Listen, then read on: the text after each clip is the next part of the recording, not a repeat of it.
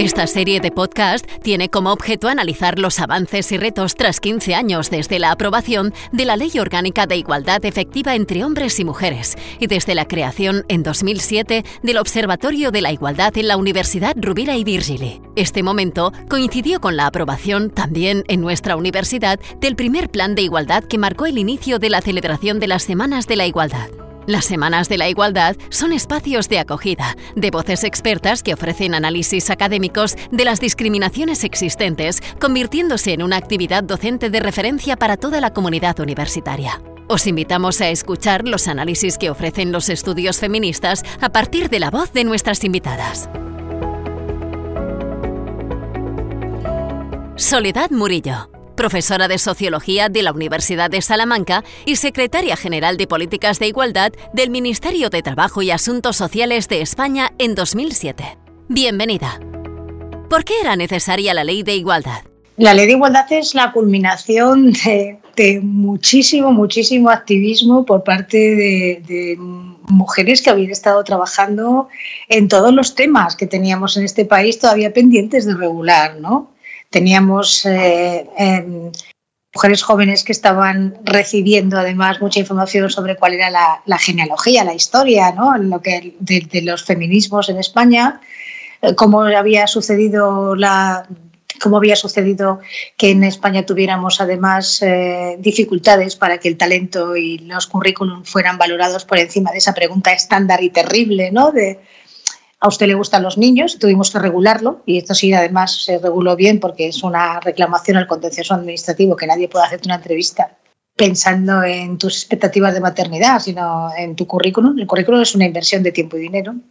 Y había muchísimos temas que necesariamente tenían que ponerse en, valor. Cuando digo valores, regulación y que todo el mundo conociera lo que suponía una, una ley de igualdad. Había que hablar de acoso, había que hablar de acoso sexual, había que hablar de acoso laboral. Necesariamente teníamos que meternos en terrenos que habían estado sometidos a una autogestión poco dada a democratizar la, su vida interna. ¿no? Yo llamo democratizar a que la mayoría de la población, porque en el 2007 éramos un 50,9 y ahora somos un 51,2, esté presente en todas las decisiones y en todos los ámbitos de la vida. Hablamos de una necesidad, pero ¿de dónde nacía? Estábamos años atrás de la Unión Europea. ¿Era una diferencia abismal o todo lo contrario? Bueno, somos una democracia muy joven, muy joven, y eso se tiene que notar. Y además nuestra integración a la Unión Europea sirvió para trasladar directivas. Eh, lo que ocurre es que esas, ese traslado de directivas se ratificaban, pero luego no se llevaban a la vida pública, a la vida social. O sea, era muy difícil que se notara, ¿no? Em, y, eso suponía el, hecho de tener al menos que ahondar y reflexionar conjuntamente. Esta ley fue consultada durante un año y medio y, eso supuso pues estar permanentemente en contacto con asociaciones de mujeres, trabajar con mujeres migrantes, rurales, con mujeres con discapacidad. Y hasta que no trabajas con mujeres, por ejemplo, con mujeres rurales, no, no, no sabes con certeza que ellas pueden estar eh, trabajando en el campo sin tener eh, ningún seguro social, ¿no? Con lo cual no cotizaban, con lo cual estaban doblemente sometidas, ¿no? Y, esto no lo sabe nunca el ejecutivo ni el legislador, ¿no? Como, como cuerpo como cuerpo administrativo que regula leyes, ¿no? Esto lo saben las personas directamente afectadas, es decir, los artículos de la ley están consultados y consultados quiere decir que están redactados prácticamente por quienes eran las protagonistas de esas discriminaciones. ¿no? ¿Qué dificultades encontraron a la hora de llegar a este consenso con todos los grupos políticos, diferentes grupos feministas? Yo creo que fue, yo creo que fue una, una, la primera dificultad cuando tuvimos los últimos seis meses que trabajarlo en Moncloa con todos los técnicos de todos los ministerios, que para mí fue verdaderamente el máster sobre lo que significa la igualdad me di cuenta de dos cosas. Primero, de lo poco que se trabaja en las universidades, es decir, había personas técnicas con una capacidad enorme de empatizar, pero que no diferenciaban entre discriminación e igualdad. Es decir, cuando la discriminación era fácil que se pudieran, se pudiera al menos neutralizar con medidas de acción positiva, ¿no? Pero, pero la igualdad son medidas activas, son impulsos. Es decir, es donde no hay proponer, ¿no? Y ahí estaba el permiso de paternidad, donde no hay, había que proponer. Ahora mismo esta ley no hubiera salido. no hubiera salido, no, no hubiera salido la ley de igualdad, porque los grupos políticos que hay en el Parlamento están más pendientes de eh, su propio peso dentro de, decisional dentro del Parlamento que de la tarea que tienen que aprobar o tienen que enmendar o tienen que eh, rechazar. ¿no? Ahora mismo no hubiera salido, no hubiera salido porque el juego de fuerzas no está en lo que tienes que aprobar, sino en, en qué otros pactos pendientes eh, están em, sometidos a tu decisión presente. Y eso es una hipoteca terrible para la legislación. ¿no? Si los grupos políticos se centraran en, la tarea que en ese momento les une, pues sería más fácil. Pero ahora mismo no están ahí, no están en absoluto ahí. Con otra, con otra desventaja, los tableros políticos, los tableros electorales no están en el Parlamento Nacional, sino que están en los distintos parlamentos. Y, por supuesto, eh, incluso en, estoy poniendo un ejemplo para que se me entienda. Si hay unas elecciones en Castilla y León, como lo ha sabido, el hecho de que no entrara un grupo antisistema como vos, eh, hubiera sido necesario que el PSOE se abstuviera. Pero para eso el tablero estaba en Ferraz, no estaba en Castilla y León, a pesar de que yo lo pedí por Twitter, por ejemplo. O sea, no lo estoy diciendo aquí porque, por decirlo aquí, lo pedí con Twitter.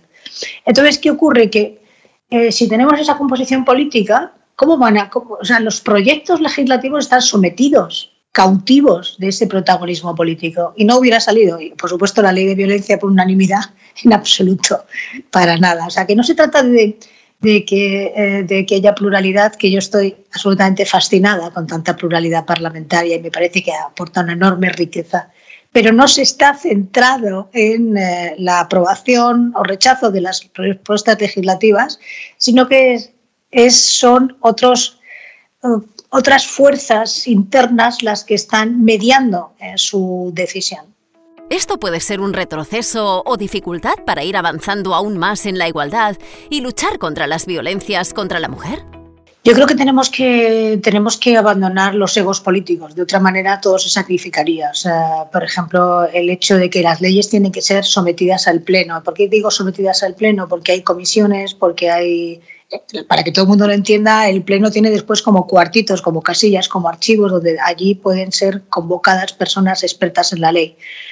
Una de las mejores comparecencias eh, que teníamos pues, es la que dio Montserrat Comas, que es una, una jurista excepcional, sobre la necesidad de que el machismo fuera considerado un agravante, como lo es el racismo o como lo es el antisemitismo. Es decir, tenemos el agravante de antisemitismo, el número de judíos en España está al 0,02, pero no tenemos un agravante de machismo y ella lo expuso en una comisión. Entonces, las comparecencias es lo que legitima y avala una ley. Y después, las enmiendas y la aprobación de la misma es el procedimiento y trámite habitual del cuerpo legislativo que está en las Cortes Generales. Si no abandonamos los egos, si estamos en una, eh, si los partidos políticos se imponen a lo que significa la gestión parlamentaria, las leyes corren riesgo de o bien pasar sin tramitación, que pasen por una comisión y no por el Pleno, o bien decir que esta ley no se discute, o bien decir sencillamente que esta ley se, se, se, se le, le, aplica una enmienda a la totalidad, ¿no? como muchos partidos se aplican la enmienda a la totalidad, que significa ni me la leo, ni discuto sobre la misma, ni tengo necesidad de redactar, porque cuando haces una enmienda tienes que redactar un texto alternativo, no vale decir que no, excepto si haces una enmienda a la totalidad. Es decir, que ahora están los partidos políticos. ¿Y qué significa que están los partidos políticos? Que su propio tablero electoral, su propio, sus propias reglas internas prevalecen sobre las leyes que se vayan a discutir. Y eso me preocupa mucho, sí. En el momento de aprobación, hablamos de dificultades también de apoyos. ¿Cuáles fueron los apoyos principales para que fuese una realidad?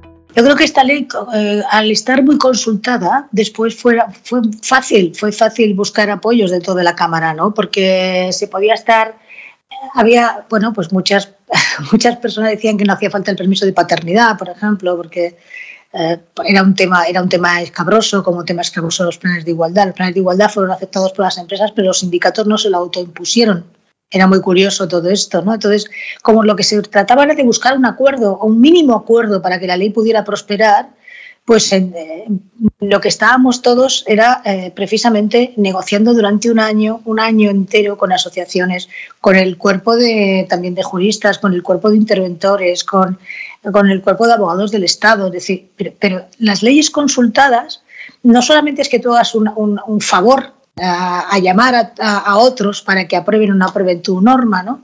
sino que estás recogiendo una información en primera mano de aquellas personas que conocen cuál va a ser la deriva de su aplicación. Porque la deriva de su aplicación es clave. Es decir, eh, cuando se está hablando de matrimonio igualitario, os pongo un ejemplo, fue muy importante el hecho de que se hablara de las adopciones y para eso estaban las trabajadoras y los trabajadores sociales.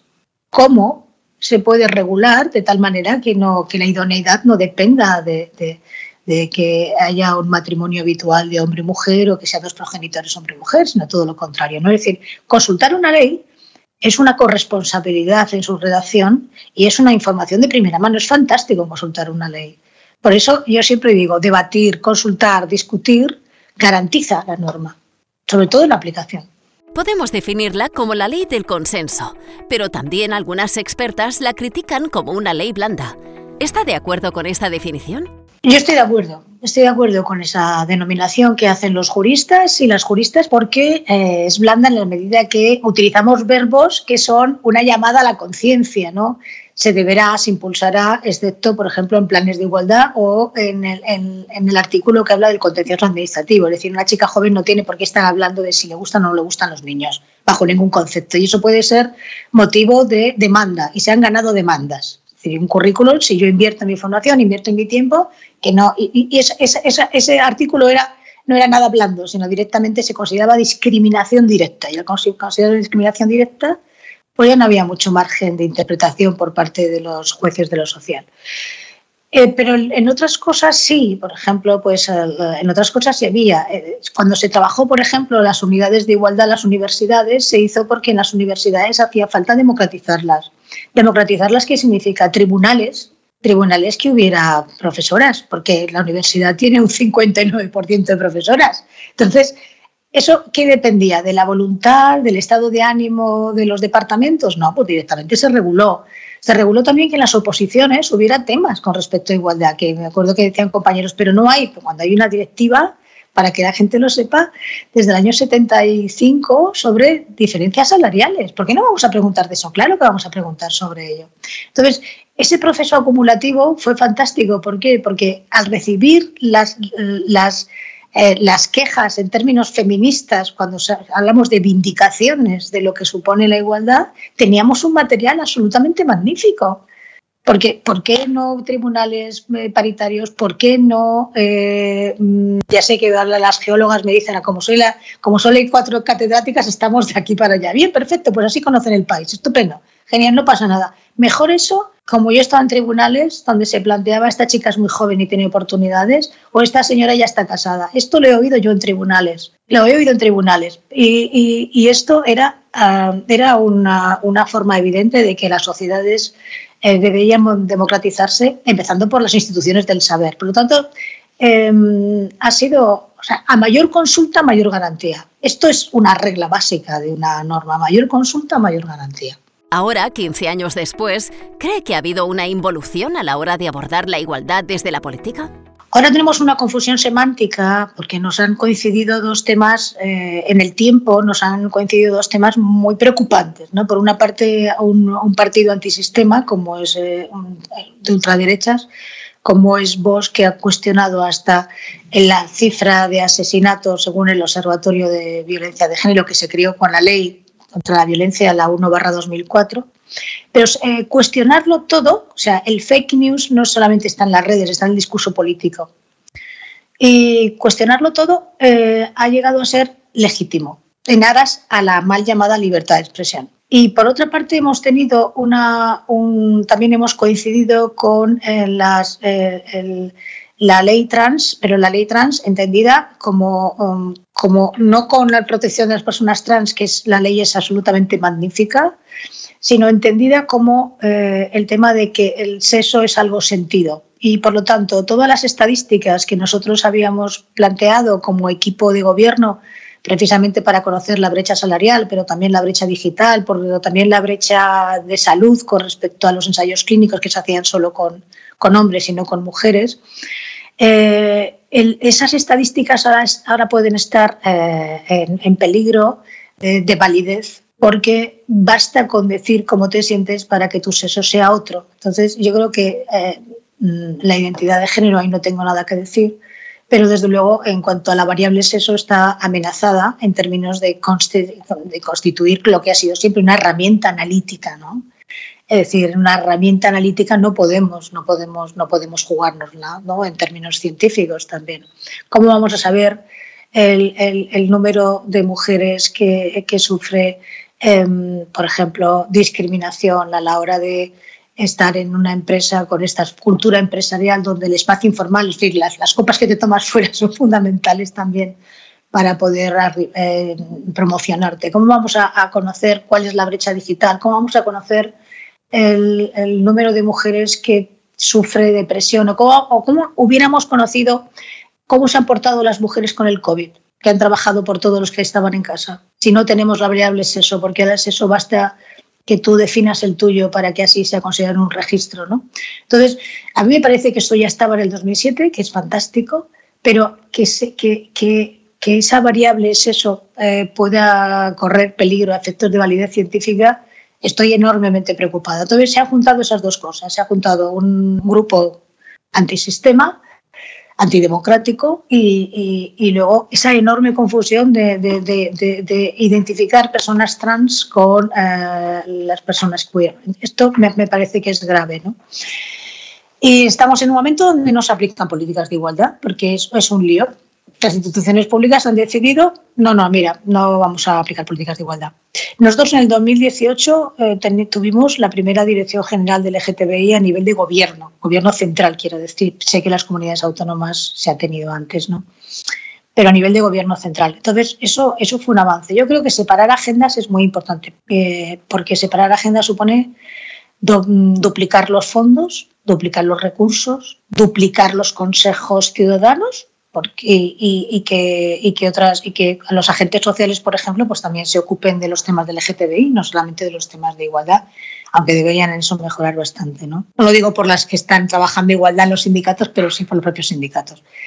Entonces, eh, ahora mismo está todo parado. O sea que ahora mismo eh, mm, es una ley que está, eh, está en stand-by, excepto los planes de igualdad que ahora se han extendido a empresas más pequeñas, pero no, no, no, no se está revisando. No, no se está revisando. Por lo tanto, podemos decir que la ley ha sido o no ha sido efectiva. La ley es efectiva si el contexto lo permite. Si tenemos un contexto donde el concepto de igualdad y el concepto, bueno, el concepto feminismo está empezando a ser eh, demonizado como tal, ¿no?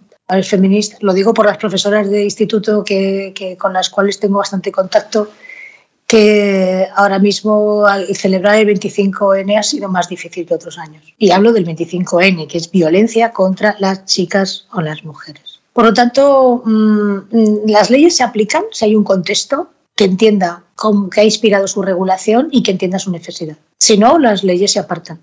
Para revertir esta situación, ¿cuál cree que es el cambio que se necesita? ¿Implica revisión jurídica, cambios en la ley, otra ley?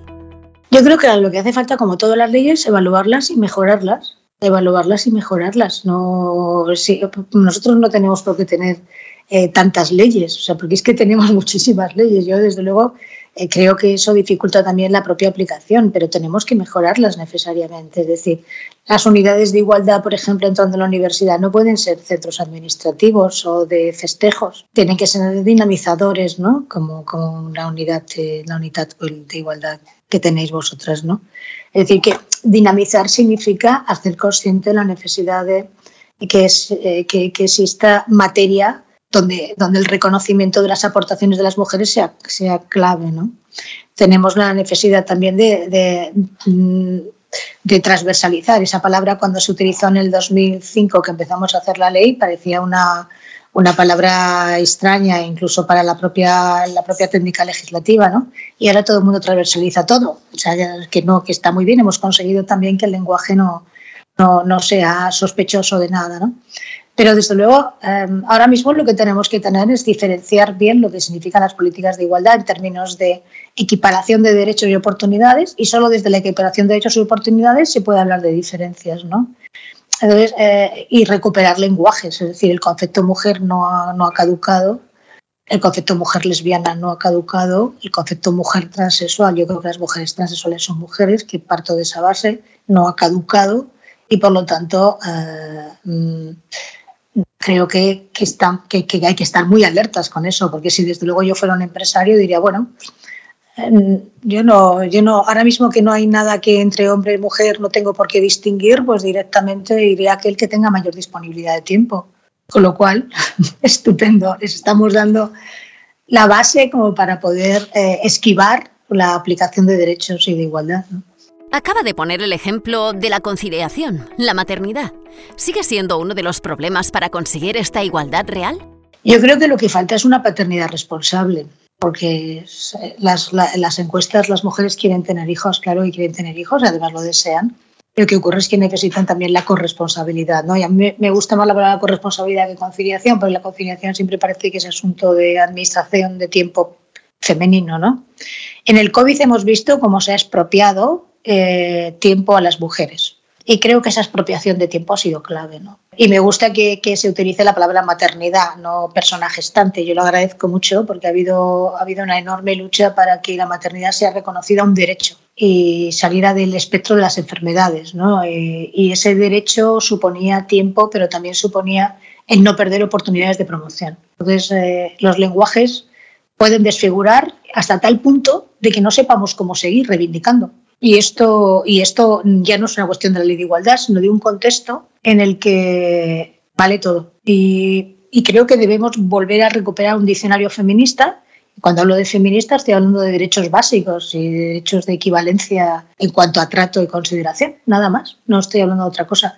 Y por supuesto, eh, volver a entender el peligro que existe y lo bien que se lo van a pasar, porque esto otra vez no es asunto de los hombres. Los hombres están mirando desde, desde, desde fuera cómo una mujer trans puede competir y de pasar de ser la 150 nadadora cuando era nadador a ser el número uno. ¿no?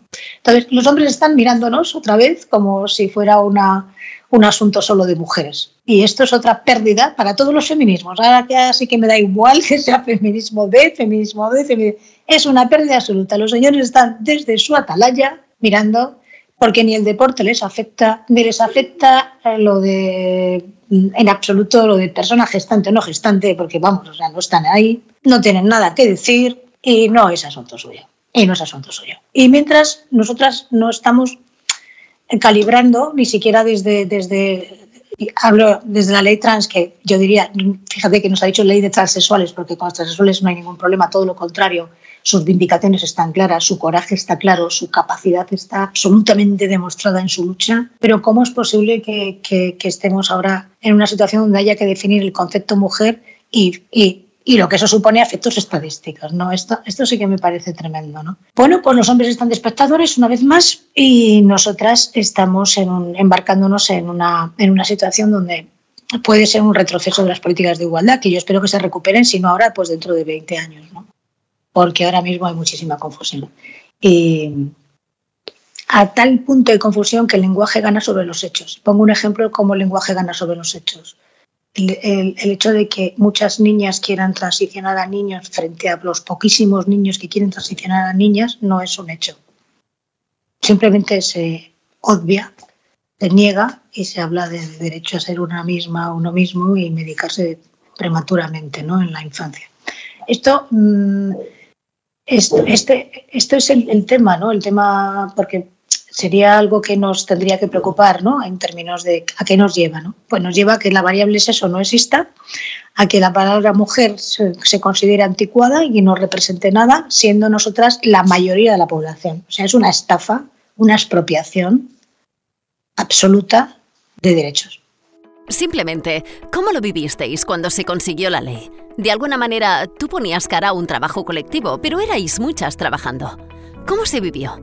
¿Y cómo de acompañadas estabais en ese proceso de hacer realidad la ley de 2007? Estábamos muy contentas porque porque había sido una, un trabajo muy colectivo y muy consultado. Todos estábamos verdaderamente muy contentas. También sabíamos que el Partido Popular la iba a recurrir ante el Tribunal Constitucional, pero su recurso también nos dio la razón, porque su recurso decía que si están las mujeres, sobre todo con las listas electorales, que eso significaba los cinco primeros puestos, que eso también costó mucho, porque los partidos políticos decían, no, no, somos libres, somos libres para discriminar, añadía yo, ¿no? Pero el, el recurso del Partido Popular era un poco lo que nos situaba en el éxito de, nuestra ley. Era, si tienen que estar las mujeres, tienen que estar los ancianos, tienen que estar los niños, tienen que estar, es decir, como si fuéramos un colectivo ligado a minorías. Y, eso nos dio, nos dio la razón diciendo, mira, no han entendido nada porque cuando no se quiere, no se quiere, los hechos son estadísticos, somos mayoría de población, en el 2006 y el 2007 y hasta ahora siguen siendo mayoría, pero cuando se quiere eh, adulterar el lenguaje se puede adulterar. Entonces nos convirtieron en colectivo y motivaron un recurso al Constitucional. Entonces estábamos muy contentas y, seguimos estando contentos porque desde luego eh, ahora mismo es incuestionable la paridad en, en, las listas electorales. Y eso ha habido que arrancarse a los partidos políticos. No ha salido de ellos para nada, hubo que arrancárselo a todos, a los de izquierdas, a los de derechas, a todos. Y ahí la ley no fue blanda y fue dura. Ahí fue. Cambiamos ley electoral. Somos de los pocos países que hemos cambiado la ley electoral. No la tiene cambiada Alemania, Francia, Finlandia, no tiene cambiada la ley electoral. Ponen multas a los partidos, con lo cual los partidos están encantadísimos de pagar una multa y seguir siendo quienes eh, confeccionen las listas electorales. Muchísimas gracias Soledad y muchísimas gracias a todos y todas. Os esperamos en el siguiente podcast para seguir profundizando en los retos que todavía tienen las políticas de igualdad entre mujeres y hombres.